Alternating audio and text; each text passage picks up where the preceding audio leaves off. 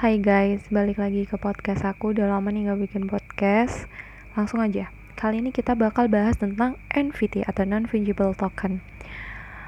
Berbeda dengan dunia nyata, di ruang maya apa pun bisa diduplikasi. Misalnya gambar, lagu, karya seni, meme, atau konten lain dalam bentuk apa pun yang diunggah di internet. Hal ini yang membuat seolah tidak ada batasan antara karya asli dan hasil duplikat internet. Namun, dengan adanya NFT, sebuah karya digital bisa dipastikan keasliannya meskipun duplikatnya banyak beredar di dunia maya.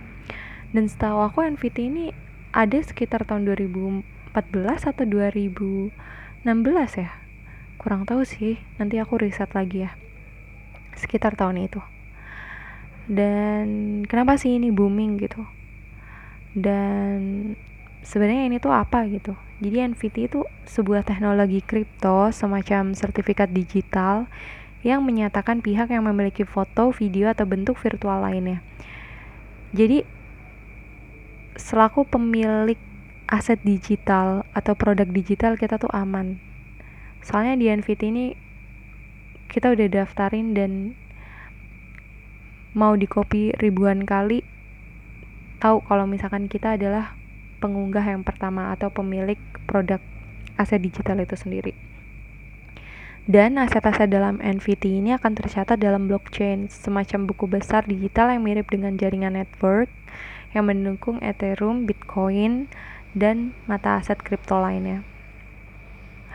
Ketika NFT sudah di dienkripsi di blockchain pada suatu hal, maka hal tersebut tidak dapat lagi bisa direplikasi atau diduplikasi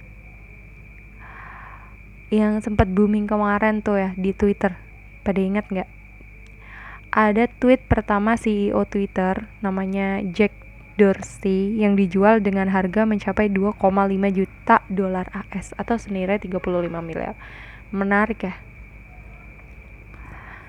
Mungkin kalian ada yang tertarik buat bikin NFT kalian sendiri bisa nih kepo-kepo terus mulai belajar gimana caranya buat NFT.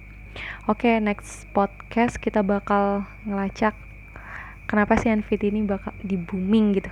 Booming banget maksud aku. Sorry, sorry. Belibet aku ngomongnya. Maksudnya kenapa NFT ini booming banget di 2021 di next podcast ya.